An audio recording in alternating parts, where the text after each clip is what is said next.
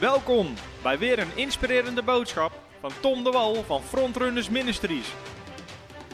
We bidden dat je via deze aflevering geïnspireerd wordt in je leven met God en opgebouwd wordt in je geloof. Oké, we gaan een nieuwe mini-serie starten over het o zo belangrijke thema bidden en vasten. En vooral het stuk vasten. Ik heb een boek geschreven over gebed, wat je gratis kan bestellen in onze webshop. Het heet Bidden is ontvangen. En dat, dat rekent af met de zeven meest voorkomende hindernissen waardoor onze gebeden niet verhoord worden. Want het plan van God is dat al je gebeden verhoord worden.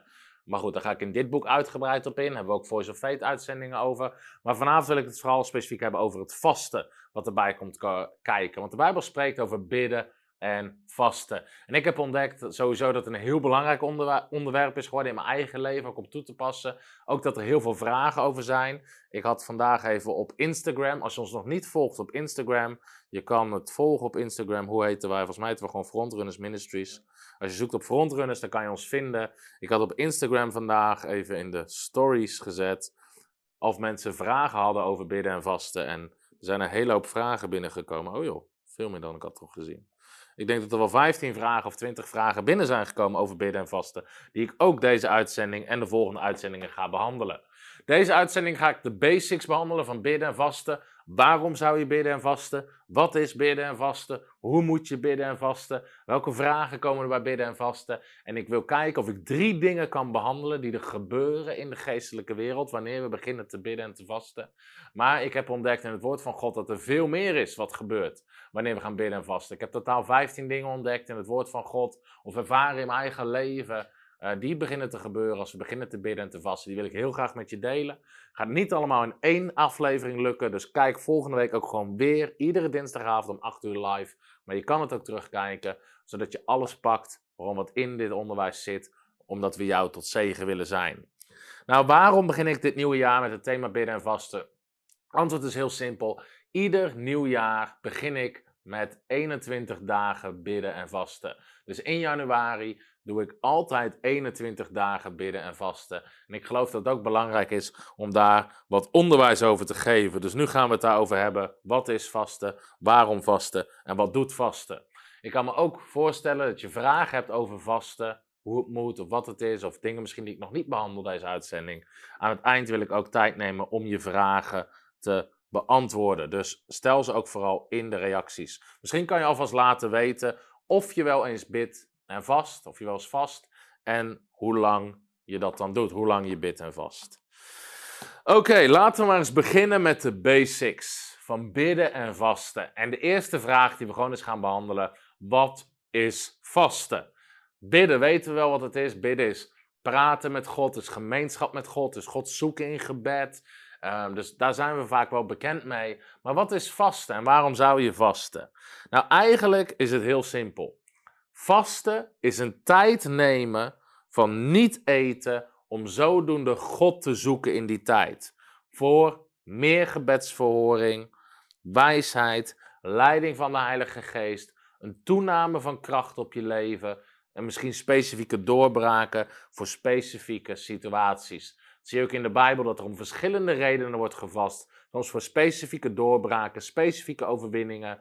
Uh, als er moeilijke tijden zijn, beginnen mensen te vasten voor overwinning. Dus wat is vasten? Nog een keer, vasten is een tijd nemen van niet eten om God te zoeken voor gebedsverhoring, wijsheid, leiding, doorbraak, meer kracht van de Heilige Geest op je leven. Dus het is eigenlijk een vrijwillige onthouding van voedsel voor geestelijke doeleinden. Om het wat simpeler nog te zeggen, je zou kunnen zeggen: vasten is natuurlijk voedsel wordt vervangen door geestelijk voedsel. Tijd voor eten wordt vervangen voor tijd voor God. En honger naar eten wordt een verlangen en een honger naar God. En op het moment dat we dat doen, op het moment dat we eten aan de kant zetten, ik heb het nog niet even over hoe lang en op welke manier, al die details ga ik straks wel invullen. Maar dit is, kijk, sommige dingen in het koninkrijk van God zijn als het ware een mysterie, zou je kunnen zeggen. Het is een geestelijke realiteit waarvan we niet alles kunnen begrijpen met ons verstand. Maar er gebeurt iets wanneer wij eten aan de kant zetten voor God. En in plaats van te gaan hongeren naar eten, gaan hongeren naar God. Ik zeg altijd, geestelijke honger is als een magneet in de geestelijke wereld. En het trekt, als het ware, het trekt jou naar God toe, het trekt God naar jou toe. De aanwezigheid van de Heilige Geest. Er begint iets te gebeuren als we gaan hongeren en dorsten naar God. Jezus zei het al in Matthäus hoofdstuk 5, die bekende tekst uit de bergreden, waar Jezus zegt, zalig zijn zij die hongeren en dorsten. Want zegt Jezus dan. Zij die hongeren en dorsten. Ik zal even kijken of ik hem hier snel erbij kan pakken. Um, Matthäus 5, vers 6. En in Lucas staat hij trouwens ook in andere teksten. Maar daar staat: Zalig zijn zij die hongeren en dorsten naar de gerechtigheid, want zij zullen vervuld worden. Zalig zijn zij die hongeren en dorsten. Er is iets, er begint iets te gebeuren als we beginnen te hongeren en dorsten naar God. Als we onze honger in het natuurlijke omzetten als honger in het geestelijke naar God toe, om het zo maar te zeggen.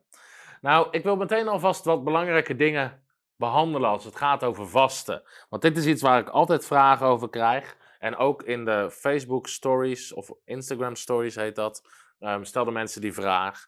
Maar dit is even belangrijk niet eten, dus vasten in de vorm van niet eten of gedeeltelijk niet eten, is de enige bijbelse manier van vasten. Niet eten of gedeeltelijk niet eten is de enige bijbelse manier van vasten. Waarom? Vasten betekent in het Hebreeuws betekent letterlijk je mond bedekken. En elke keer dat we vasten zien in het woord van God, dan zien we dat mensen niet eten of gedeeltelijk niet eten voor een bepaalde tijd om God te zoeken. Waarom zeg ik dit? Omdat er een hele hoop christenen zijn die hun eigen manieren verzinnen, hun eigen ideeën toebrengen. En dan hoor je mensen zeggen: Ja, ik vast uh, ieder jaar een social media vast. Door zeven dagen niet op Facebook te kijken. Zeven dagen niet op Facebook kijken is geen vasten.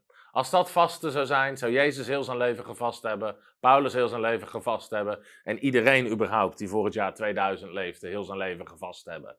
Social media vasten is geen vasten. Het is goed om een bepaalde periode je toe te wijden aan God door minder bezig te zijn met allemaal dat soort dingen, maar het is geen bijbels vasten. En zoveel mensen zeggen, ja, ik kijk dan geen tv. Nogmaals, het is prima om geen tv te kijken, ik heb thuis niet eens een tv. Ben ik dan heel mijn leven aan het vasten? Nee, ik kijk gewoon geen tv. Maar dat is geen bijbels vasten. En het zal ook niet de doorbraken opleveren die God belooft aan bijbels vasten. Waarom? Bijbels vasten brengt doorbraken en beloningen met zich mee. Gaan we straks ook wel zien. Maar Jezus zegt, als u vast, zal de Vader in de hemel u belonen in het openbaar. Dus het kan een toevoeging zijn op Bijbels vasten door je te onthouden van bepaalde dingen. Maar de enige manier van Bijbels vasten is niet eten of gedeeltelijk niet eten. Natuurlijk begrijp ik dat er bepaalde mensen zijn die dat niet kunnen, zoals zieken, zwakken, zwangeren, uh, vrouwen die borstvoeding geven, dat soort. Dus daar heb ik het niet over. Maar voor de rest van de mensen is dat de enige vorm van Bijbels vasten.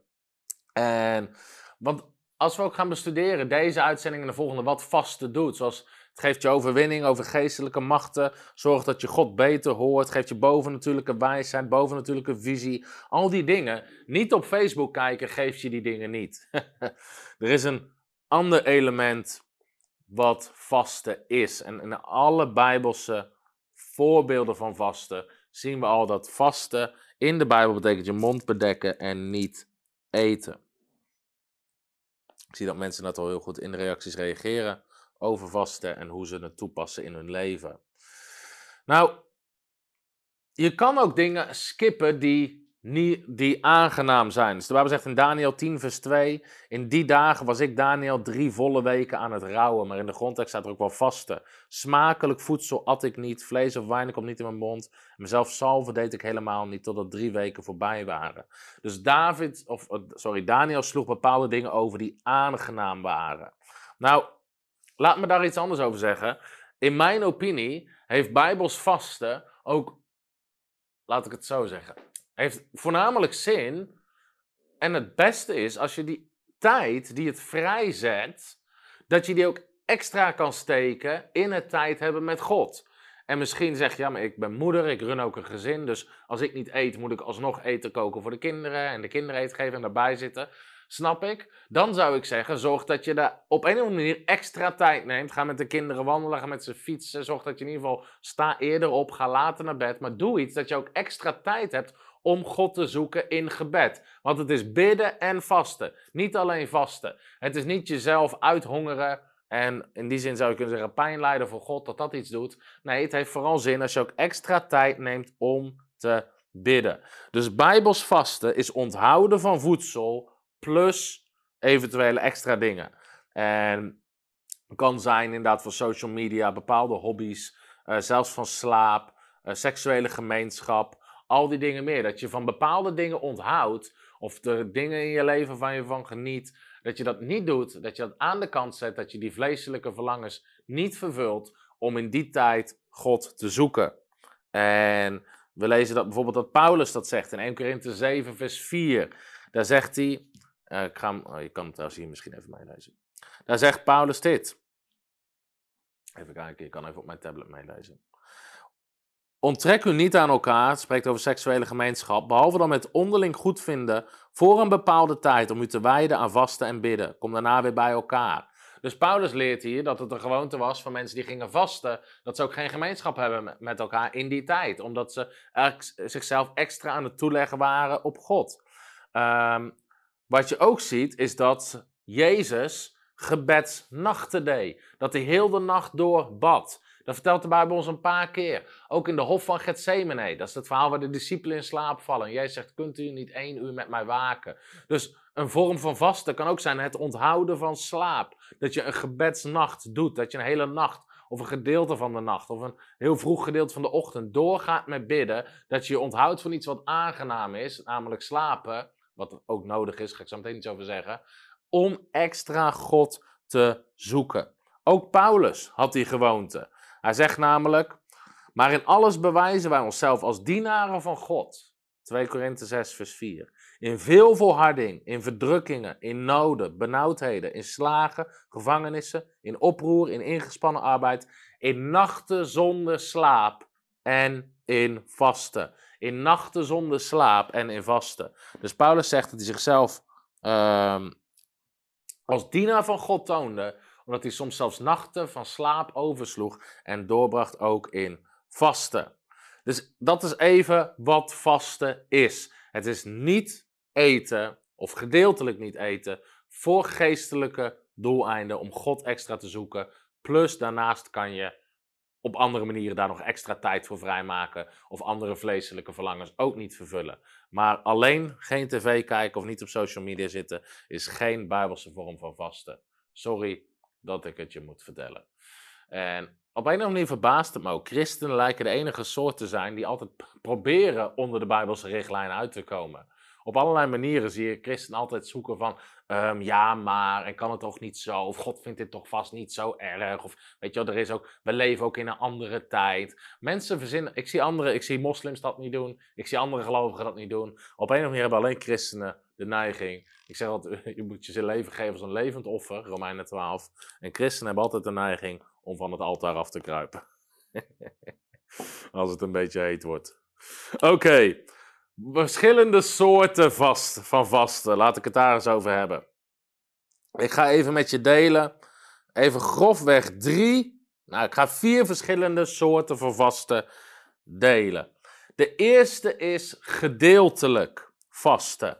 Wat betekent minder eten, anders eten uh, en wel drinken. Ik heb net Daniel hoofdstuk 10 voorgelezen, waar Daniel zich van bepaalde soorten voedsel onthield. Dus lekkere dingen at hij niet, vlees at hij niet, hij dronk niet, um, hij dronk geen wijn, dat soort dingen niet. En dus eigenlijk een heel sober, uh, sobere maaltijden die hij at. En dat wordt ook wel eens de Daniel dieet of de Daniel fast genoemd. Um, maar er zit wel een verschil tussen of je op dieet bent of dat je aan het vasten bent. Bij vasten, en dus ik ken bijvoorbeeld, want een van de vragen die ik gesteld had via Instagram was: Mijn man heeft een lichamelijk zware baan. Um, die werkt heel dag bijvoorbeeld in de bouw of wat dan ook. Hoe kan die dan vasten? Nou, er zijn nog andere manieren om te vasten dan helemaal niet eten. Hoewel dat zelfs ook kan, kom ik straks misschien ook nog wel op. Maar dat kan gewoon zijn een stuk soberder eten. Een vriend van mij die in de bouw werkt, die vast door uh, s'avonds alleen een heel klein beetje groente te eten. En overdag eet hij gewoon droog brood. En op die manier is hij gewoon constant nog steeds bezig in zijn geest om zich op God te richten. Niet met vleeselijke lekkere dingen te vervullen, maar gewoon uh, alleen zorgen dat hij het nodige voedsel binnenkrijgt voor zijn, uh, voor zijn energie. Zodat hij zijn werk kan uitvoeren, maar voor de rest gewoon gefocust is op God. Dus gedeeltelijk vasten of minder eten. Um, mijn ervaring is juist dat ik dat veel lastiger vind. Ik vind het makkelijker om niks te eten. Kan ik me ook makkelijker richten op God, maar daar meer mee bezighouden dan gedeeltelijk niet eten. Er zijn ook mensen die zeggen, ja, ik doe één maaltijd op een dag. Ik ken mezelf, ik eet die ene maaltijd zoveel dat het compenseert voor de twee andere die ik mis. dus voor mij werkt dat niet. Dan heb je volledig vasten. Is geen voedsel eten, wel drinken. Water, bouillon, fruitsap, dat soort dingetjes. En het voorbeeld daarvan is het voorbeeld van Jezus zelf. In Matthäus hoofdstuk 4, daar lezen we dat Jezus de woestijn in gaat. Ik zal hem even, want ik heb Matthäus 4 toch open. In Matthäus 4, daar lezen we dat Jezus door de woestijn heen gaat. En uiteindelijk, dan gaat hij de woestijn in. En dan zie je de geest van God leidt hem om daar te vasten. Dus hier zie je al de leiding van de geest van God om te vasten. Toen werd Jezus door de geest weggeleid naar de woestijn om verzocht te worden door de duivel. En nadat hij veertig dagen en veertig nachten had gevast, kreeg hij tenslotte honger. Hieruit kunnen we opmaken dat Jezus wel dronk. Want Jezus kreeg honger. De Bijbel zegt niet Jezus kreeg dorst, hij kreeg honger. Bovendien 40 dagen zonder eten of, of zonder drinken overleef je niet. En de duivel probeerde hem ook te verleiden met eten. Daarom zei, maak dan van deze stenen brood. Hij zei niet, maak van deze stenen flesjes cola. Dus Jezus werd verleid om weer te gaan eten. Dus dat is eigenlijk volledig vasten. Je eet helemaal niet, maar je drinkt wel. Kan zijn water alleen. Eh, ik heb het één keer tien dagen gedaan op alleen water. Vond ik heel erg taai. Heb ik besloten om niet meer te doen. Um, want je krijgt gewoon helemaal geen vitamines, mineralen, energie krijg je binnen.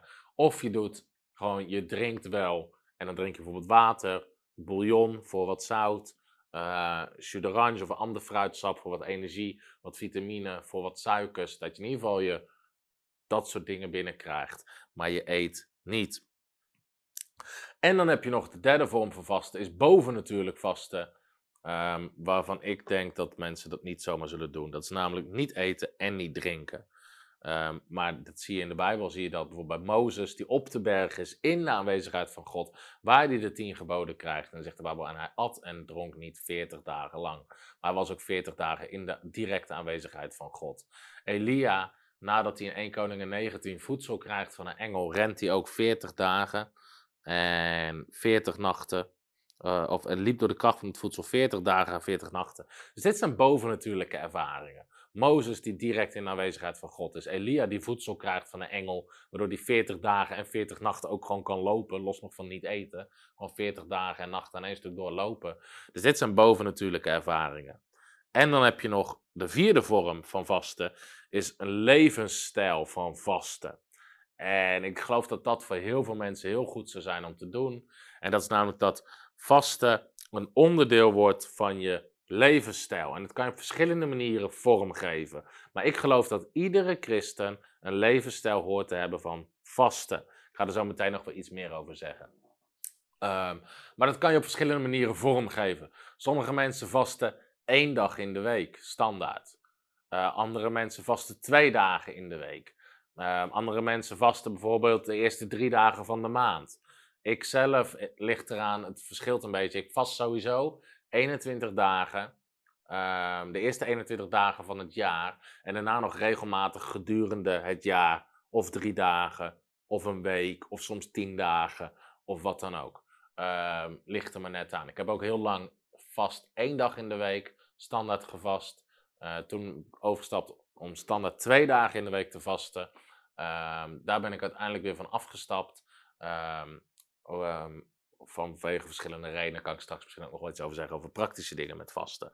Maar een levensstijl van vasten, waarin je eigenlijk constant openstelt om gevoelig te zijn voor de Heilige Geest en daar ruimte voor te maken.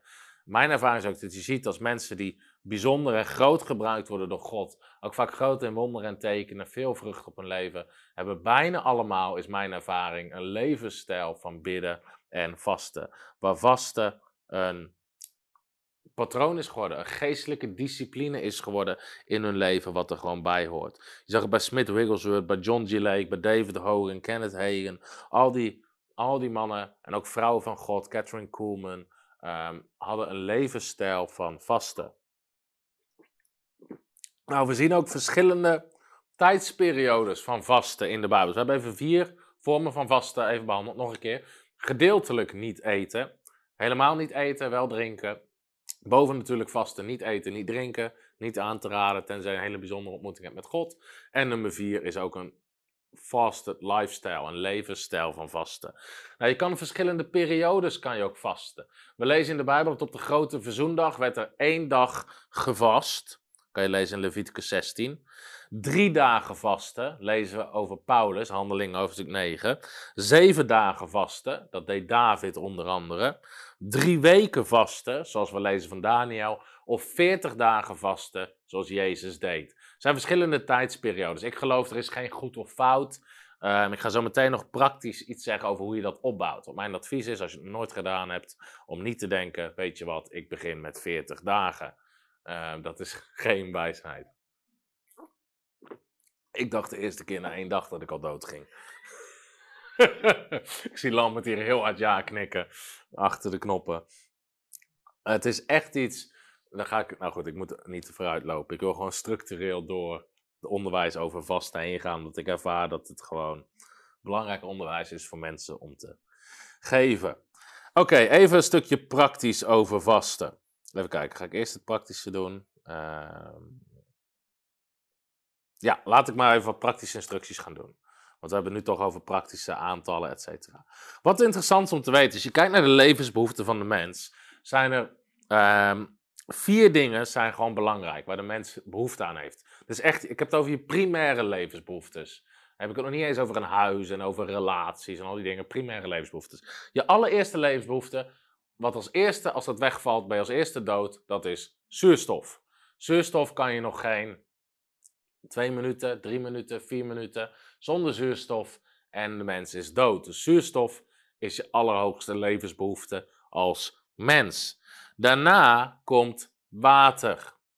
Daarna komt water. Dus daarna heb je drinken nodig. En als je zuurstof hebt en drinken, ook al heb je geen voeding en geen andere dingen, kan je het best wel een aantal dagen volhouden. Wat daarna komt, is, dat is interessant, heel veel mensen denken daarna komt eten. Maar dat is niet zo. Na water, na vocht in je lichaam, komt slaap. Een mens kan veel langer zonder eten dan zonder slaap. En niet slapen is heel erg slecht voor de mens. Dus volgens mij eigenlijk, wetenschappelijk wordt uiteraard niet uitgetest bij mensen hoe lang het duurt. Maar um, als je tien dagen niet slaapt, sterf je waarschijnlijk. Er is ooit iemand die heeft het world record gezet op elf dagen of zo. Maar het is gewoon niet aan te raden, is ook helemaal niet wijs. Uh, maar slaap is een veel grotere levensbehoefte als eten. Is ook wel eens getest op dieren. Uh, maar dan zie je ook dat als dieren wakker gehouden worden, dat ze letterlijk gewoon na korte tijd gewoon sterven. Omdat slaap, dat je dat gewoon nodig hebt. Dus zonder zuurstof red je het maar een paar minuten. En je vierde levensbehoefte is pas eten. Dus je hebt eerst je zuurstof, daarna heb je je drinken, daarna heb je je slaap en daarna heb je je eten. En um, zonder zuurstof redt het maar een paar minuten. Uh, maar daarna geldt ook voor de mens zonder eten. Maar als je wel gewoon slaapt en je drinkt, kan je net zoals Jezus, zou je 40 dagen kan je vasten. Je kan 40 dagen zonder eten.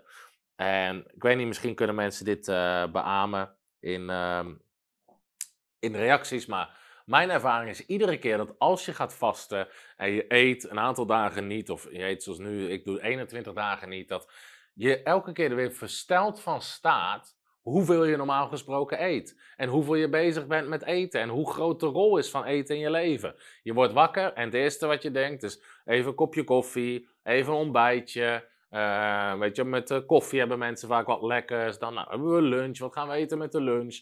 En dan in de middag wordt er nog even wat gegeten. Dan heb je avondeten. Dan zit je s'avonds op de bank en je pakt nog wat eten. En heel de dag door zijn we bezig met eten, eten, eten, eten.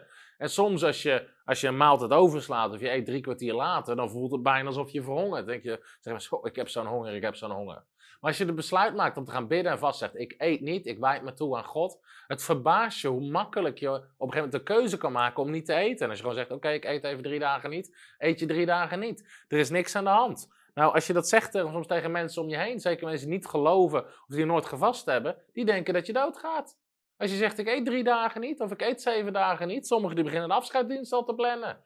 Die denken gewoon dat je het niet overleeft. Maar de waarheid is dat jouw lichaam prima best wel een lange tijd zonder eten kan. En um, dus eten is soms zelfs een minder grote behoefte dan we denken. Nou, even wat praktische richtlijnen. Want mensen die het onderwijs kijken, en zeker als ik je zo meteen ga vertellen, drie dingen uh, die vasten doen. Um, mensen willen gaan vasten, maar ik wil je ook gewoon even een aantal hele praktische de discussie of praktische instructies geven. Nou, het eerste, de eerste praktische richtlijn of de praktische instructie is: begin rustig en bouw het langzaam op. Nogmaals, de eerste keer dat ik onderwijs las, ik denk dat het was van Dirk Prins, uh, over vasten. En ik, ja, weet je, ik wil ook gaan vasten. En er waren een paar dingen die ik vergat. Ten eerste was het gewoon, weet je, vasten was meer mezelf uithongeren. Want ik vergat gewoon om extra veel tijd met God door te brengen. En als je niet eet, maar ondertussen wel heel druk bezig bent met allemaal andere dingen. En dan ben je gewoon jezelf aan het uithongeren. Maar je merkt dat wat Jezus zegt, ik heb voedsel te eten waar u geen weet van heeft, zegt hij in Johannes. Op het moment dat je in de tegenwoordigheid van God komt, kom je er echt achter dat het woord van God is brood. Is, is iets wat je bijna kan eten, wat je voeding geeft, wat je energie geeft. De tegenwoordigheid van God geeft je energie, het doet je opleven. Jezus zegt niet voor niks, I am the bread of life, ik ben het brood des levens. En Jezus is het water. Hij is levend water. Jezus is die dingen die we nodig hebben. En, maar begin dus rustig. Zo de eerste keer dat ik een dag ging vasten, echt waar, ik had het niet meer. Maar je bent ook nergens anders mee bezig, want je bent gewoon niet gewend. Je bent alleen maar bezig met niet eten, niet eten. En met dat je denkt aan niet eten, denk je weer aan eten. Dan zie je het eten weer voor je. En als je het voor het eerste keer doet, je denkt echt dat je... Ik dacht echt, joh, dit overleef ik niet een dag. Je hebt zo'n ontzettende honger, omdat dat laat zien hoe sterk onze lichamelijke verlangens zijn en hoe groot de rol is van ons vlees in ons leven. En dat vlees dat roept naar je en dacht, hallo, wat ben jij aan het doen? Ik dacht dat we vrienden waren, ik wil weer wat eten, eten, eten. En dat vlees schreeuwt heel de dag tegen je. En dan kom je er pas achter dat we normaal gesproken gewoon heel de dag gewend zijn om te luisteren naar wat ons vlees wil. Wat ons vlees zegt en wat ons vlees verlangt. En dat is juist de kracht van vasten. Dat het onderdrukt je vlees. En je zegt: nee, we luisteren naar wat God wil, wat God zegt en wat mijn wedergeboren geest wil. En dat is de kracht van vasten. Het onderwerpt je vlees aan je geest. Je leert te leven vanuit je geestelijke mens en vanuit de geestelijke realiteit. In plaats van alleen maar vanuit je verstand en je vleeselijke mens. En dat is waar heel veel christenen functioneren, onder andere omdat ze nooit vasten en nooit hun vlees hebben onderworpen aan hun geestelijke verlangens. Dus je moet gewoon rustig aan beginnen. Begin met één dag vasten. En breid het dan eens uit naar drie dagen. En nogmaals, neem dan ook tijd om extra te bidden. Dus wat ik zelf doe, is ook vaak de maaltijden die je overslaat, s morgens uh, nou ben ik sowieso niet, iemand die houdt van uitgebreid ontbijten. Maar dat je s'morgens tijd neemt om te bidden. Misschien kun je smiddags op je werk even een rondje lopen en bidden. En s'avonds nog tijd nemen om te bidden. Maar de tijd die normaal kwijt zou zijn aan het eten of wat dan ook. Dat je ook echt extra tijd neemt om meerdere keren op een dag God te zoeken. En daaruit gaat leven. Dus um, bouw het gewoon op. Een keer één dag, dan een keer drie dagen, dan misschien een keer een week. Herman Boon doet altijd uh, tien dagen volgens mij met, met een hele groep. Je kan 21 dagen, maar bouw het gewoon rustig op. Daarnaast is drink veel. En nogmaals, voor iedereen zit persoonlijk. Er zijn mensen die alleen op water vasten. Ik heb het ook één keer gedaan, zeven of tien dagen. Uh, ik vond het niet fijn. Uh, omdat ik vond het ook meer een vorm van jezelf straffen dan dat je, heel, dat je er heel geestelijk van werd. Dus drink veel, pak gewoon water, pak bouillon om wat zout uit te halen. Uh, pak bepaalde vruchtensappen zoals jus d'orange of alle an andere soort fruitsappen om gewoon een stukje energie eh, uit te halen. Ehm, en dus nogmaals, neem ook echt extra tijd. Het is niet jezelf straffen, het is God zoeken. Wie moeten er niet vasten? Zwangere vrouwen of vrouwen die borstvoeding geven. Ehm, je kinderen hebben gewoon, die, die, die eten met jou mee. Dus het is niet de bedoeling dat je je kinderen ermee gaat straffen.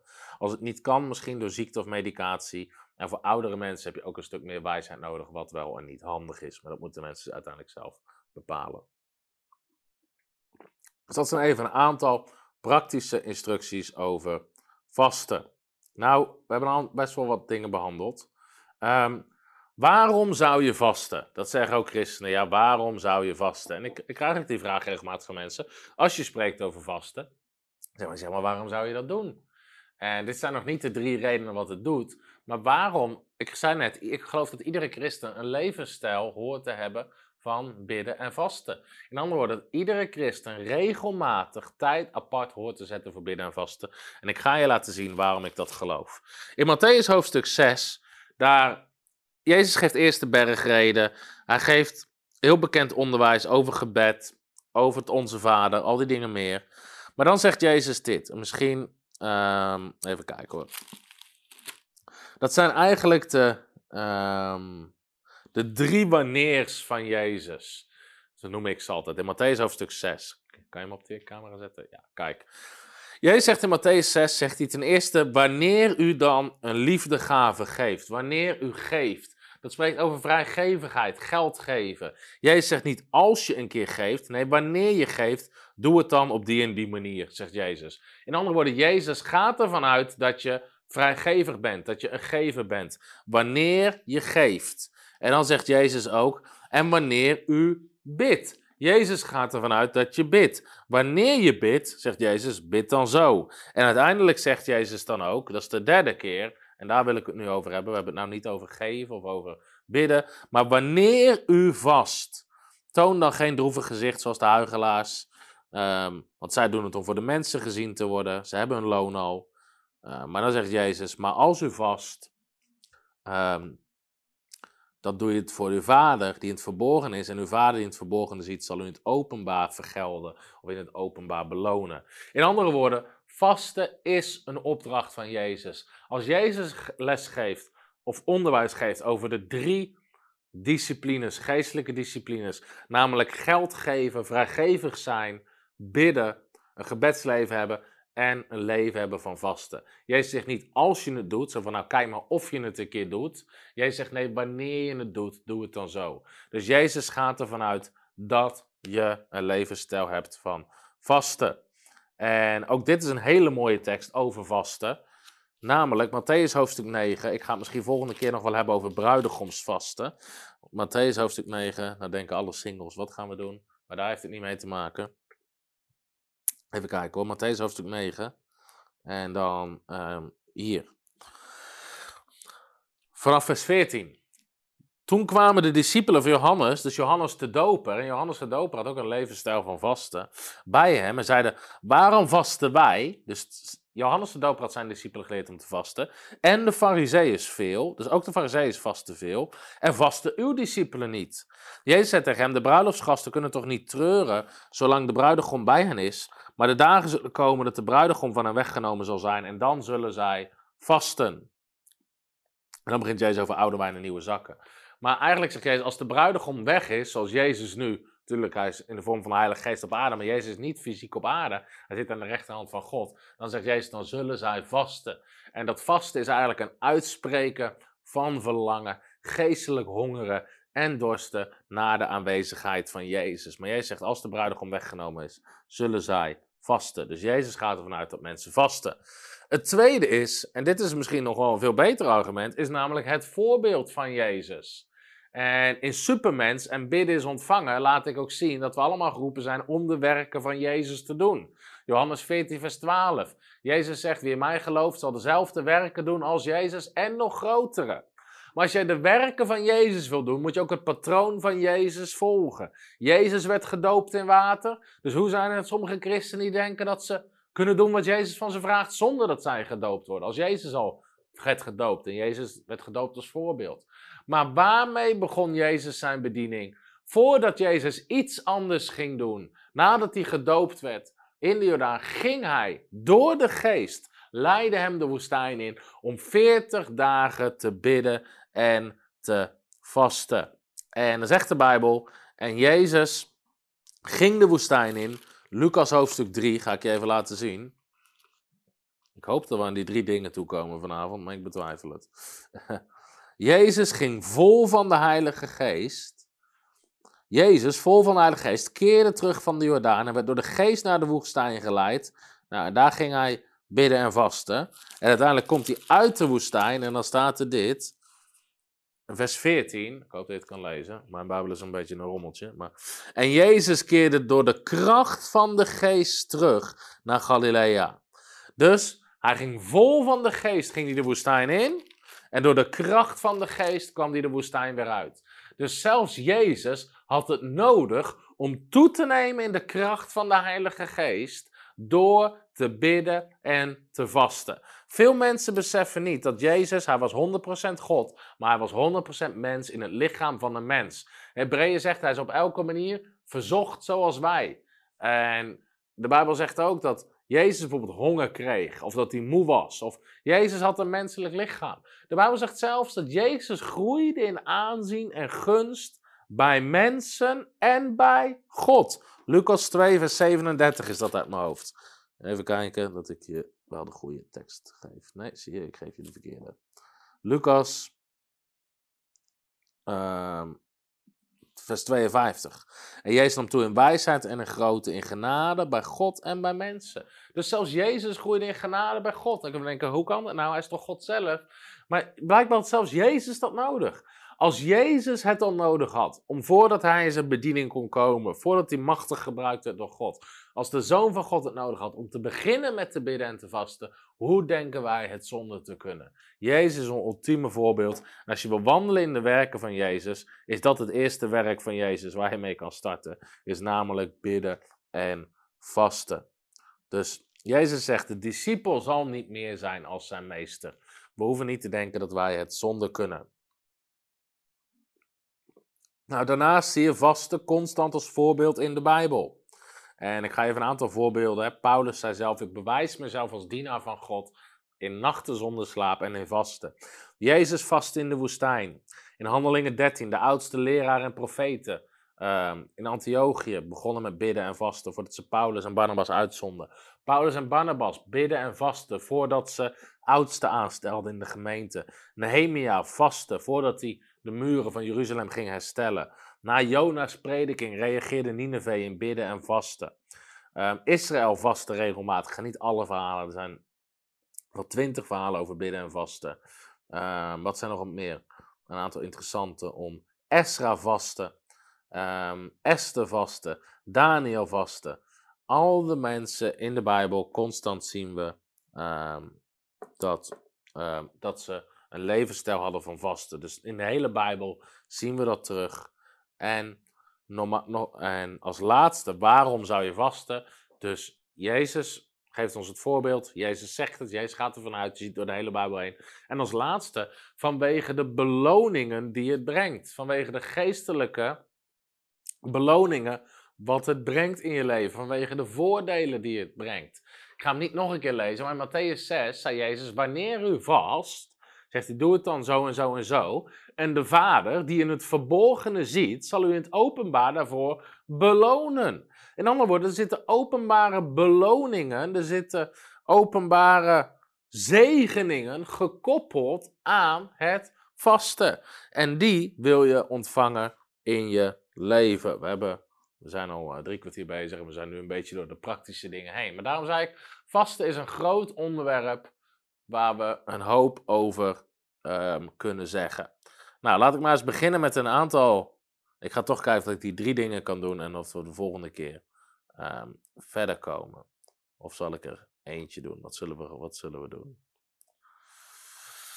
Um, ik denk dat ik er misschien maar eens één ga doen. En dat we daarna wel kijken hoe ver we komen. En dan ga ik beginnen met iets wat bidden en vasten doet in je leven. Want ik wil eigenlijk ook nog vragen van jullie beantwoorden. En. Uh,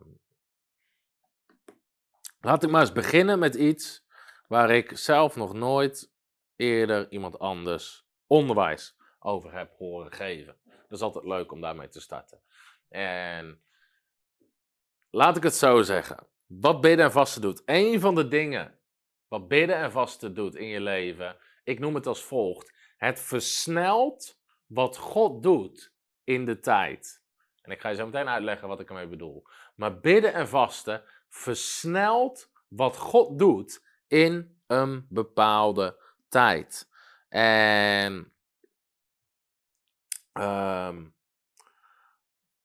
sommige dingen, weet je, duren een jaar, anders vijf of tien jaar. Maar als je God gaat bidden en vasten, komt er een versnelling in wat er allemaal gebeurt in een bepaalde tijd. En wat God allemaal kan doen in jouw leven in een bepaalde tijd. En waarom is dat zo? Ik ga je uitleggen waarom dat zo is. Ten eerste, als je, bidden, als je gaat bidden en vasten, begin je extra God te zoeken.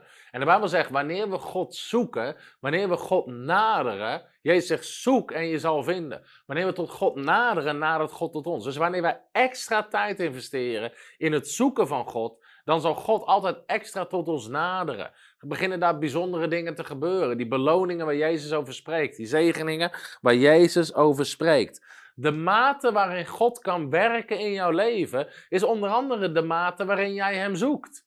Hoe meer je Hem zoekt, hoe meer je Hem vindt en hoe meer God kan doen in je leven. Dus hoe intensiever jij God zoekt in een bepaalde periode van je leven, hoe meer je God toewijdt in die bepaalde periode, hoe meer reactie daarop zal komen vanuit God. Dat is hoe God het in heeft gesteld. Daarom zegt Jezus altijd: aan wie heeft en wie gebruikt, zal meer gegeven worden. De gelijkenis van de talenten. Wat je begint in te zetten, begint vermenigvuldigd te worden. Dus dat is aan de ene kant. Hoe meer jij doet met God, hoe meer God doet met jou. Laat ik het zo zeggen. Hoe meer jij doet met God, hoe meer God doet met jou. Maar er is nog een principe wat hieraan gekoppeld zit. Dus vasten, bidden en vasten versnelt wat God doet in de tijd. Ik noem dat, en dat zie je in de hele Bijbel, het principe van de eerstelingen.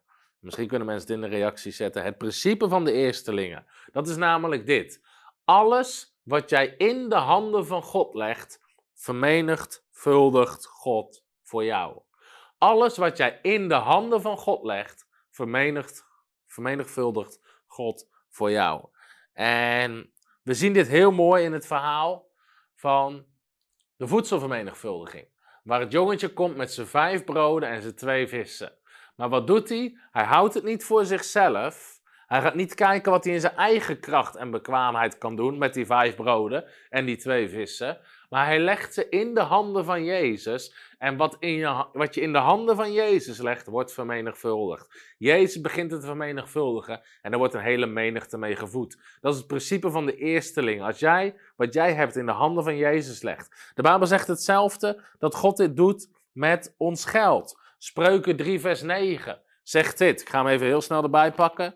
Spreuken 3 vers 9, want ik ga je zien dat dit principe werkt. Dus niet alleen met tijd, want met vasten offer je tijd en God gaat die tijd versnellen. Spreuken 3, vers 9, daar staat dit. Vereer de Heere met je bezit. Vereer de Heer met je bezit. Dus eer God met je bezit, met je materiële bezittingen, met je geld, met de eerstelingen van heel je opbrengst, dus wat jij opbrengt, je loon, je salaris. Daarmee eer je God. En dan staat er dit. Dan zullen je schuren gevuld worden met overvloed en je perskuipen overlopen met nieuwe wijn. In andere woorden, als je het legt in de handen van God, je durft een gedeelte van je opbrengst, de eerstelingen, te leggen in de handen van God, gaat God ze vermenigvuldigen. Dat is het principe van de eerstelingen. God doet dit met de broden en de vissen, God doet dit met geld, maar God doet dit ook met tijd.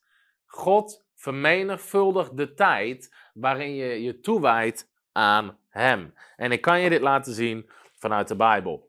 Wat heel interessant is, als je kijkt, en ik wil niet al te diep op dit soort dingen ingaan, maar het zijn hele interessante geestelijke processen.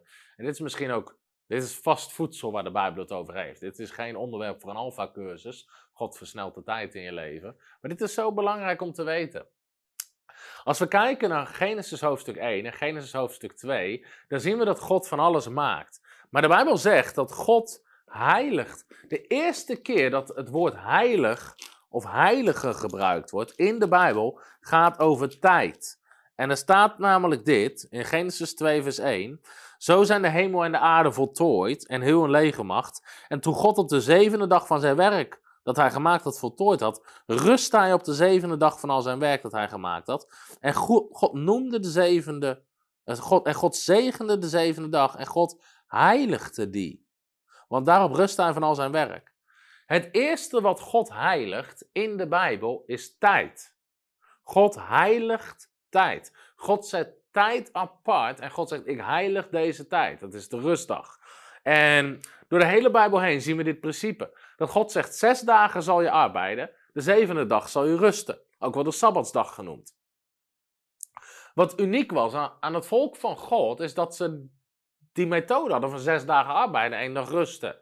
En God zelf hanteert het principe van zes dagen arbeiden, één dag rusten. Alle heidevolken, alle volken om Israël heen, die hadden dat principe niet. Die werkten gewoon non-stop. Maar het bijzondere is dit: God zegt: als je zes dagen werkt en één dag heiligt, apart zet voor mij, als je die tijd apart zet, zal ik ervoor zorgen dat je in zes dagen meer kan doen dan in zeven dagen. Je kan in zes dagen met mijn zegen meer doen dan in zeven dagen in eigen kracht. Dat is het principe wat God neerlegt met de rustdag en de tijd die God heiligde. God ging nog een stap verder. Want wat leren we in Leviticus 25? Daar leren we dat God een heel systeem had als het gaat om tijd. En dat wordt ook het jubeljaar genoemd. Want dan staat er onder andere, en dat gaan we nu niet helemaal lezen, maar één keer, dit is heel interessant. God zei tegen, tegen Israël: Zes jaar lang mag je je land bewerken, maar het zevende jaar moet je het braak laten liggen. Mag je er niks mee doen. Nou, in het natuurlijke, mijn schoonvader is akkerbouwer. Je zou dat niet zomaar doen, want je weet, je hebt iedere jaar heb je weer die oogst nodig. Ieder jaar heb je weer voedsel nodig wat er vanaf komt. Maar God zegt in Leviticus 25, zegt God nee, zes jaar lang bewerk je de grond en ik zal zorgen, ik ga die tijd heiligen, want dat zevende jaar zet je apart voor mij. En ik ga zorgen dat de opbrengst van dat zesde jaar zo gigantisch groot is, dat het het zesde jaar, het zevende jaar en het achtste jaar dekt tot de nieuwe oogst. Dus God zegt, als je die tijd in mijn handen legt, vermenigvuldig ik het voor jou. God gaat nog een stapje verder, want God zegt, één keer, of zeven keer zeven, één keer in de vijftig jaar moet er een jubeljaar zijn, waar je een heel jaar ook niks doet en iedereen zijn schuld vrij scheldt. En God zegt, weet je, ik ga dat allemaal vergoeden naar jullie toe. De tijd die je in mijn handen legt, die gaat God versnellen. Dus dit is het principe. Met Gods zegen doe je in zes dagen meer dan in zeven dagen in eigen kracht. En de Bijbel spreekt over tijd. Joel 2, vers 25 zegt: God herstelt de jaren die de springhaan gestolen heeft. 1 Koningin 19. Elia kon 40 dagen non-stop rennen, omdat hij was boven natuurlijk, omdat God daar iets boven natuurlijks deed. Dus je ziet, God werkt met tijd. Nou, wat wat is, wat, wat, waarom, wil, waarom behandel ik dit met bidden en vasten? Ik hoop dat je mijn punt pakt. Stel je voor, jij had een hele bijzondere bediening en in drie jaar tijd, het is nu 2022, voor 2025 zou jij heel Europa bereikt moeten hebben met jouw bediening. Wat zou je gaan doen? De meeste van ons, als je weet dat je maar drie jaar de tijd hebt, we zouden als een gek aan het werk gaan. 24 uur per dag, 7 dagen in de week, rennen, vliegen, overal prediken, overal doen. Denk nu eens aan Jezus. Jezus had drie jaar de tijd voor zijn bediening. Na drie jaar zou hij weggaan. Dus Jezus weet, ik heb maar drie jaar de tijd om een bediening uit te voeren. Waarmee begint Jezus zijn bediening? Met 40 dagen bidden en vasten. Met 40 dagen niks doen, behalve God zoeken en in de aanwezigheid van God zijn. De eerste 40 dagen van maar de drie jaar die Jezus had, wijdt hij toe aan bidden en vasten. Omdat Jezus wist, als ik deze tijd toewijd aan God, gaat God de tijd versnellen. Wat ik kan doen in de tijd die over is, dat is meer dan wat ik had kunnen doen als ik meteen in eigen kracht was gaan rennen. Dat is mijn ervaring ook. Daarom zie je ook Paulus, die met zijn, hele, met zijn bediening de hele de hele toenmalige wereld raakte en schudde. Paulus was vaak in bidden, en in vasten, schrijft hij zelf. Dus dit is wat ik geleerd heb met vasten. Het versnelt wat God doet in de tijd. Dus heel concreet, daarom geloof ik dat het goed is, bijvoorbeeld om, om een dag in de week te offeren in bidden en vasten. Dat betekent niet dat je die dag niet kan werken, maar dat je extra tijd neemt om te bidden. Daarom doe ik aan het begin van het jaar, neem ik tijd, 21 dagen, om te bidden en te vasten. Dat eerste stuk van het jaar bijt ik toe in gebed en in vasten aan God, in het geloven en het vertrouwen dat we in de rest van het jaar veel meer kunnen doen, nu het jaar geheiligd is, toegewijd is aan God en versnelt wat er gebeurt in de tijd. Dus keer op keer zie ik dit. Soms vragen mensen aan ons met onze bediening. Uh, uh, weet je, hoe kan het dat jullie in, zo'n korte tijd relatief veel doen? Nou, er zijn verschillende redenen voor, maar één van de redenen, naast Gods genade en Gods plan, is toewijden in bidden en vasten. Wat we ieder jaar doen. Ieder jaar begin ik de eerste drie weken van het jaar begin ik met bidden en vasten. En dan schrijf ik onder andere allemaal op wat God zegt over dat jaar. Ik ontvang visie, ik schrijf op wat God zegt, profetische woorden. En ieder jaar komen ze uit. Je kan het vragen aan de mensen in ons team. We hebben een groot whiteboard. We schrijven op: dit is wat God zegt over dit jaar. We beginnen op te schrijven wat God zegt. En soms ook doelen die misschien veel te groot lijken te zijn. Of dingen waarvan je denkt: ja, maar daar zitten we nu helemaal nog niet. Of dingen die in natuurlijke groei niet kunnen. Dus toen we nog niemand in dienst hadden, schreef op dat je dit jaar gaan we mensen in dienst nemen. We gaan niet één iemand, we gaan mensen in dienst nemen. En allemaal dat soort dingen schrijven we op. Gewoon in geloof, in vertrouwen. We wijden de tijd toe. En bidden en vasten, we horen die dingen van God, we schrijven het op, we gaan God ervoor geloven. En boven natuurlijk versnelt God de tijd. Waar je normaal vijf jaar over zou doen, waar je normaal drie jaar over zou doen, doe je dan in één jaar. Omdat je doet onder de zegen van God. Omdat je doet wat God al gesproken heeft. Omdat je hoort God, je vestigt je geloof erop en dingen gaan gewoon boven natuurlijk snel. Dus ieder jaar hebben we boven natuurlijke doelen. Hebben we ook doelen die eigenlijk het natuurlijke niet haalbaar zouden zijn. Het aantal mensen wat we willen bereiken, de dingen die we willen doen. Maar ieder jaar lukt het omdat God versnelt de tijd. God zorgt ervoor dat je in een jaar kan doen wat normaal twee jaar duurt. Je bent niet gebonden aan natuurlijke groei. Als je met God wandelt, zit je in het, model, zit je het van bovennatuurlijke groei. Zit je het model van wonderen, tekenen, Gods leiding en Gods voorziening. En dat is niet gekoppeld aan onze aardse maatstaven. Dus dat is een van de dingen uh, uh, wat bidden en vasten doet. Paulus ook. De kerk van handelingen ook. Ze zetten in korte tijd de wereld op zijn kop. Maar ze wijden een stuk van hun tijd toe aan bidden en vasten. Dus ik had drie dingen willen delen, maar ik heb er maar één gedeeld. Maar daarom hebben we ook. Ik, ben, ik, heb er gewoon nog, ik heb er nog veertien andere.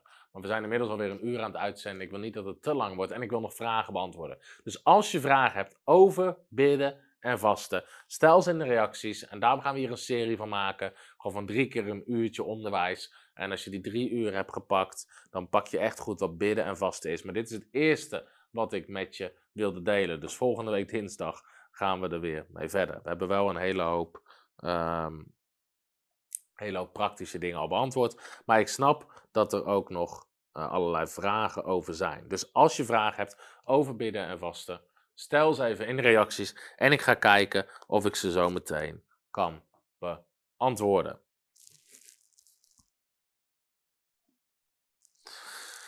Chrisco vraagt, ik lees meerdere bedieningen of kerken die 21 dagen bidden en vast is. Die 21 dagen toeval. Nou, veel mensen halen het, bijvoorbeeld uit Daniel, die drie weken, die 21 dagen ging bidden en vasten. En er zijn gelukkig meer kerken of bedieningen die het jaar toewijden aan God.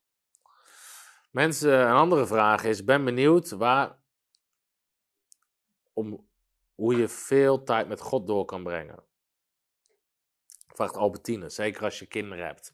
Nou klopt, het is echt wel een offer. En het is ook een uitdaging, zeker met kinderen, als je gewoon overdag met de kinderen bent. Maar er zijn verschillende manieren om dat te doen. En ik, laat ik daar een paar tips over geven. Ten eerste, mijn tip is, en ik weet dat het soms lastig is, probeer eerder op te staan dan je kinderen, als dat lukt. En misschien worden je kinderen wakker als je je kamer uitgaat. Zorg dat je op je kamer kan bidden. Dat je, dat je oortjes hebt, dat je koptelefoon hebt, dat je daar gewoon kan beginnen. Dat je wakker wordt en dat je gewoon begint met bidden. Zorg dat je wekker zet voordat je kinderen wakker worden. En anders begin, zet tijd apart om te bidden en te vasten als je kinderen op bed liggen. Misschien smiddags, anders s'avonds. Maar zorg dat je die tijd pakt als je kinderen of op school zijn, of op de opvang zijn, uh, of op bed liggen smiddags, of op bed liggen s'avonds. Maar zet die tijd, heilig die tijd dan. Zet die tijd apart. Zet het niet voor iets anders, niet om met vriendinnen af te spreken, niet om te tennissen, niet om te Netflixen, niet om tv te kijken. Dit is mijn tijd met God en in die tijd ga je extra God zoeken. Ik heb ook een, en een van de dingen die, onze, die je kinderen moet leren, ik weet Femke, iedere ochtend zet ze, zet ze onze, onze twee kinderen, de derde is op komst, zet ze aan het ontbijt en heeft Femke heeft tijd met God en de kinderen zitten erbij. Ze leest de Bijbel en na het eten zegt ze, oké, nu gaan we, nu gaan we bidden. En Femke die gaat gewoon bidden in de kamer en de kinderen die gaan spelen, maar die weten, iedere ochtend is mama aan het bidden. En soms doen ze mee bidden, soms staan ze ook te dansen in de kamer of wat dan ook. Ik heb ook wel eens een moeder gehoord die gewoon een doek over haar hoofd zei, legde en zeiden, zei, vanaf nu is mama niet aanwezig, mama is aan het bidden. En ze nam haar kinderen daar gewoon in mee. Mijn kinderen weten ook, als ze morgens beneden komen, gaan we samen bidden. Ik geef even mijn kinderen, weet je wel, dan geef je ze een boekje. En maakt mij niet zo uit of ze de kinderbijbel zitten te lezen of dikkie dik.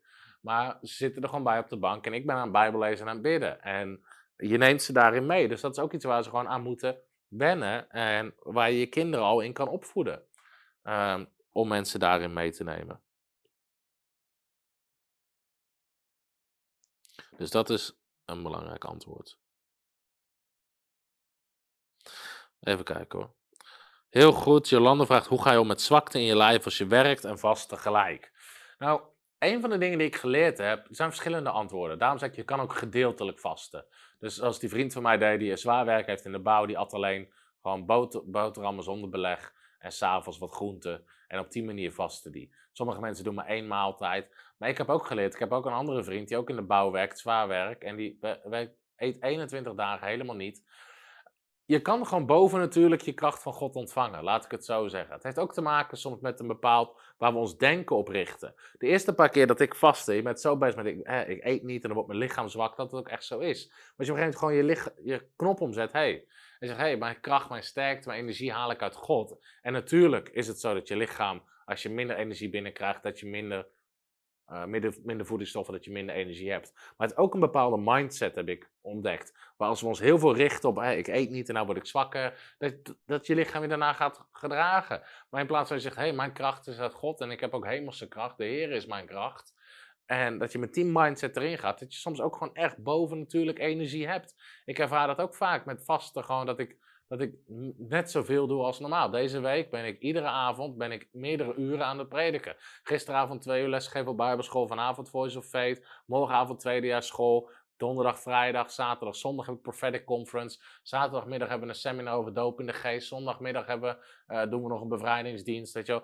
Eh, ik, ik werk ook 80 uur deze week, naast dat ik God zoek uh, en, en, gewoon niet eet. Uh, dus ik heb ook gewoon geleerd om daarmee om te gaan. En je lichaam moet er ook gewoon aan uh, wennen. Kan ik bidden en vasten voor het behoud van mijn kinderen? Uiteraard is het altijd goed om te bidden en te vasten ook voor de redding van je kinderen. Dus dat is super. Kan je een doel hebben om voor te vasten? Ja, hele goede vraag, Yvonne. Als ik zelf ga bidden en vasten, dus ik gewoon even deze als voorbeeld. Wat ik doe, is ik, ik schrijf gewoon op de dingen waar ik over ga bidden en vasten. En uh, wat God zegt over dit jaar. En dat soort dingen schrijf ik gewoon op. En teksten die bij me binnenkomen, dingen die ik ontvang en met, mijn tijd met God. Uh, ook gewoon voor onze bediening. Wat zijn dingen die we moeten gaan doen? Wat zijn dingen waar we mee moeten stoppen? Want ik wil gewoon in de wil van God zijn. En gewoon luisteren wat God daarover zegt. Uh, dus ik schrijf gewoon thema's op en daarover ben ik aan het bidden en vasten. En dat neem ik iedere keer weer mee in gebed. Soms twee, drie keer per dag. Dat je merkt, je geest wordt steeds scherper. En in één keer hoor je nieuwe dingen, ontvang je nieuwe dingen. En de ene keer begint God te spreken over dit, de andere keer over dat. Dus ik ben altijd heel gericht aan het bidden en vasten. En ik wil je ook uitnodigen, mijn ervaring is dat heel goed uh, werkt. Dus een doel hebben kan absoluut. Rick vraagt dat is een hele goede vraag, Rick. Ik vraag me het laatste het volgende af: of je Godsgeest ontvangt bij je bekering en doop in water, of dat een aparte doop is in de geest. Het is een aparte doop in de geest. Ik laat dat zien in mijn boek uh, Supermens en mijn boek Spreken in tongentaal. Je kan ze allebei gratis bestellen in onze webshop. Maar in beide boeken laat ik het heel duidelijk zien. En ik kan het je heel makkelijk aan je bewijzen. Namelijk in Handelingen hoofdstuk 8 waar de evangelist Filippus, daar staat de mensen bekeerden zich, ze geloofden in Christus, ze lieten zich dopen in water, maar ze waren nog niet vervuld met de Heilige Geest. Want daarna komen de apostelen en die leggen iedereen de handen op voor de vervulling met de Heilige Geest. Dat is één heel duidelijk bewijs. En het tweede is in Handelingen 19, waar Paulus vraagt aan de discipelen: Heeft u ook de Heilige Geest ontvangen toen u tot geloof kwam? Nou, als dat automatisch gebeurt, zou dat een hele domme vraag zijn van Paulus. Maar het toont aan dat het een aparte gebeurtenis is. Petrus zei al, Handelingen 2 vers 38, bekeer je,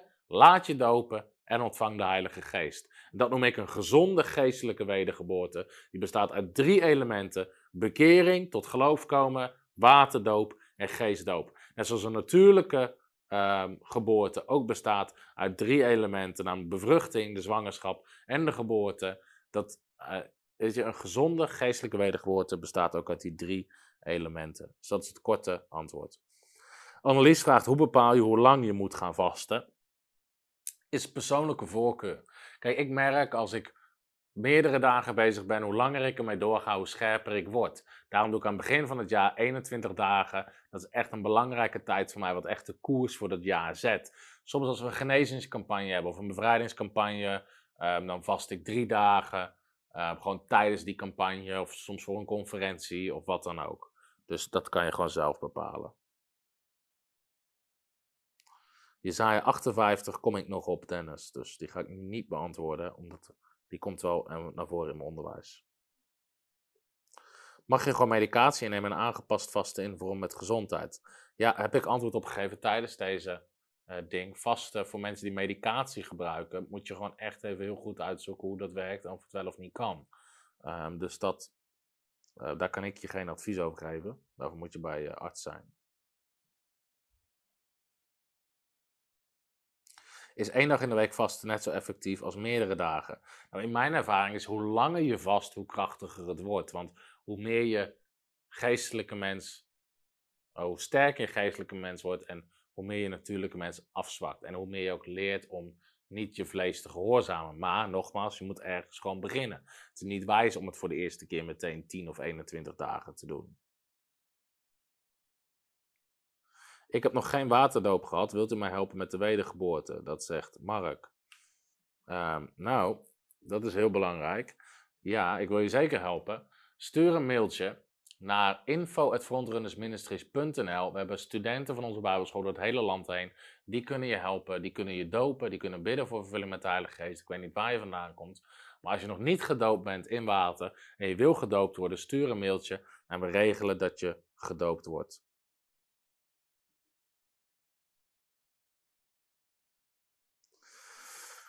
Charles vraagt: Is het voor mensen die niet van eten houden of aan anorexia lijden, dat die juist wel moeten eten? Uh, nou, mensen met echt eetstoornissen, die moeten, uh, daar, dat zou ik ook anders doen. Dus voor je het weet, wordt het voor een religieuze handeling om een stoornis te handhaven. Dus dat is niet de bedoeling. Even kijken, zijn er nog meer vragen? even kijken, wat heb ik nog niet? Iemand zegt ik ga veel in het bos praten met God, is ook helemaal prima. Waar je het doet, moet je zelf weten. Oké, volgens mij heb ik de meeste vragen wel beantwoord. Dus ik hoop dat dit onderwijs je ontzettend gezegend heeft. Wil je nou veel meer van dit soort onderwijs naast Voice of Faith, wil je gewoon structureel onze Bijbelschool doorlopen, maak dan een account op www.bijbelschool.tv waar je gewoon door onze partner Bijbelschool heen geloodst wordt. Ik wil je bedanken sowieso voor het kijken van deze uitzending. Als je nog niet geabonneerd bent op ons YouTube kanaal, abonneer je even op ons YouTube kanaal. Volg ons ook op Instagram en Facebook. En nogmaals, al onze boeken zijn gratis. Dus bestel ze ook om uit te delen aan andere mensen, want we willen gewoon andere mensen ermee zegenen.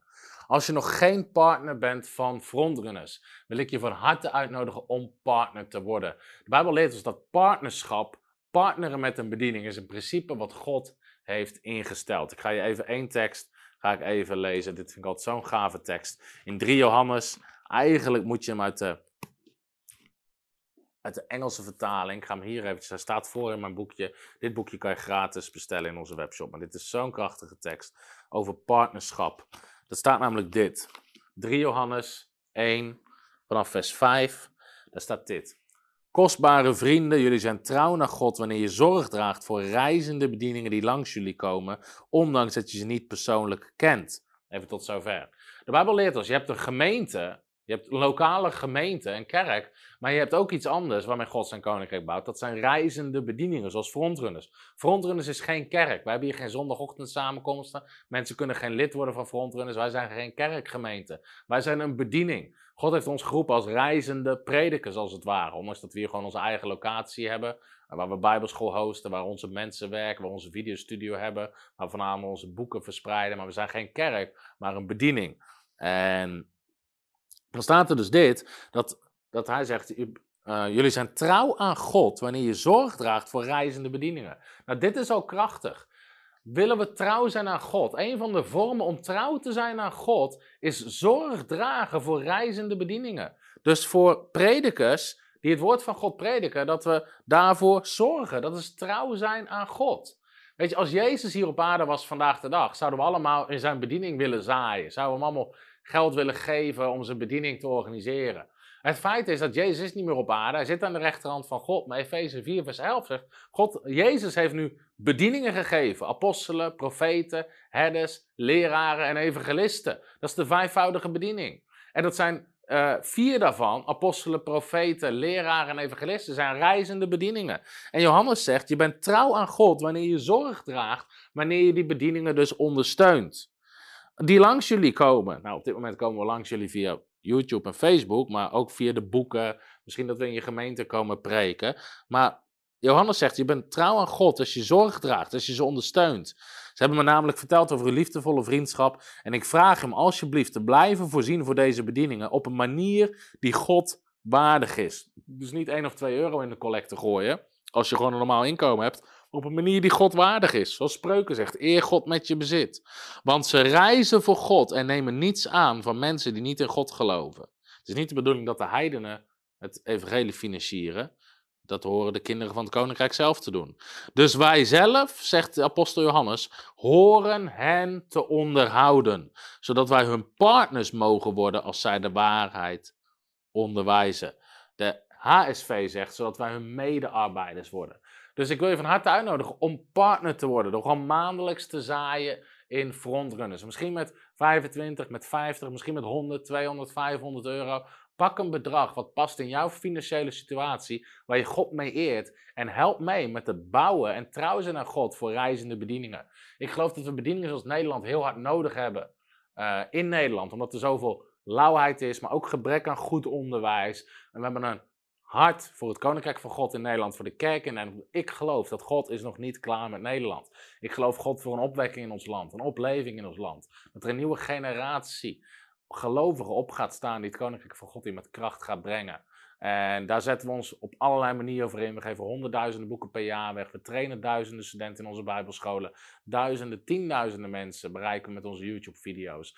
Weet je, dat is waar we ons voor inzetten. En je kan partner worden, je kan medearbeider worden. En als je dat nog niet bent, wil ik je daar van harte voor uitnodigen. Word partner van Frontrunners. We willen jou ook gewoon terugzegenen. Dus je partner bent, kan je onze bijbelschool volgen, bijbelschool.tv. Je krijgt onze boeken automatisch thuis gestuurd. Um, dus allemaal op dat soort manieren willen we ook je terugzegenen. We bidden voor onze partners. Maar op die manier kunnen we samenwerken in het Koninkrijk van God. En een van de dingen waar ik God dit jaar voor geloof, is voor verdubbeling van onze partners. Dat we dubbel zoveel partners krijgen, omdat we ook dubbel zoveel willen doen. Dat is een van de dingen die God op me sprak over 2022. Het wordt een jaar van verdubbeling. En ook gewoon mooi profetisch, 2022 zit drie keer een 2 in. 2022 er zit een dubbel getal in. Ik geloof God dit jaar voor verdubbeling. Dat is een van de dingen waar God over sprak. Dat we dubbel zoveel impact kunnen maken. Dat we dubbel zoveel mensen kunnen bereiken. Dat we dubbel zoveel boeken kunnen drukken. Dat we nog dubbel zoveel mensen in dienst kunnen nemen die ons kunnen helpen met het bouwen van het koninkrijk. Het verspreiden van het onderwijs. En als jij er nog geen partner bent, wil ik je van harte uitnodigen om daar partner van te worden. Daaraan mee te bouwen. Je kan de QR-code scannen of naar www.frontrunnersministries.nl slash partners. Of als je zegt, ik vind het gaaf wat jullie doen, ik wil extra meebouwen, kan je ook je partnerschap verhogen. Of nog een eenmalige gift geven. Maar ik geloof God voor verdubbeling dit jaar, dat we nog meer kunnen doen dan ooit tevoren. Amen. Oké, het was goed om hier te zijn met jullie dit onderwijs geven over bidden en vasten. Mijn excuses dat ik maar één van de drie dingen heb gedeeld. Dan moeten we de thumbnail aanpassen. het blaadje. Maar goed, maakt niet uit. Volgende keer het goede nieuws. Ik heb nog 14 andere dingen. Volgende week zijn we er weer op dinsdagavond 8 uur. God zegen. En ik hoop ook dat dit onderwijs van bidden en vasten gewoon je leven gaat veranderen. Tot de volgende keer. Hallo, Tom de Wol hier en bedankt dat je weer geluisterd hebt naar onze podcast. Ik bid dat het je geloof gebouwd heeft en je bemoedigd bent. Als je niet alleen een luisteraar van onze boodschap wil zijn, maar ook een verspreider daarvan, wil ik je uitnodigen om partner te worden van Frontrunners. Door jouw maandelijkse donatie help je ons om dit evangelie van Jezus Christus en het woord van God over heel de aarde te brengen. Om partner te worden, ga naar www.frontrunnersministries.nl slash partners en word partner. Hartelijk bedankt en tot snel. Heb je ook zo genoten van deze inspirerende boodschap van Tom de Wal? Abonneer je dan op deze podcast. Volg ons op Facebook en op Instagram en kijk op onze website frontrunnersministries.nl.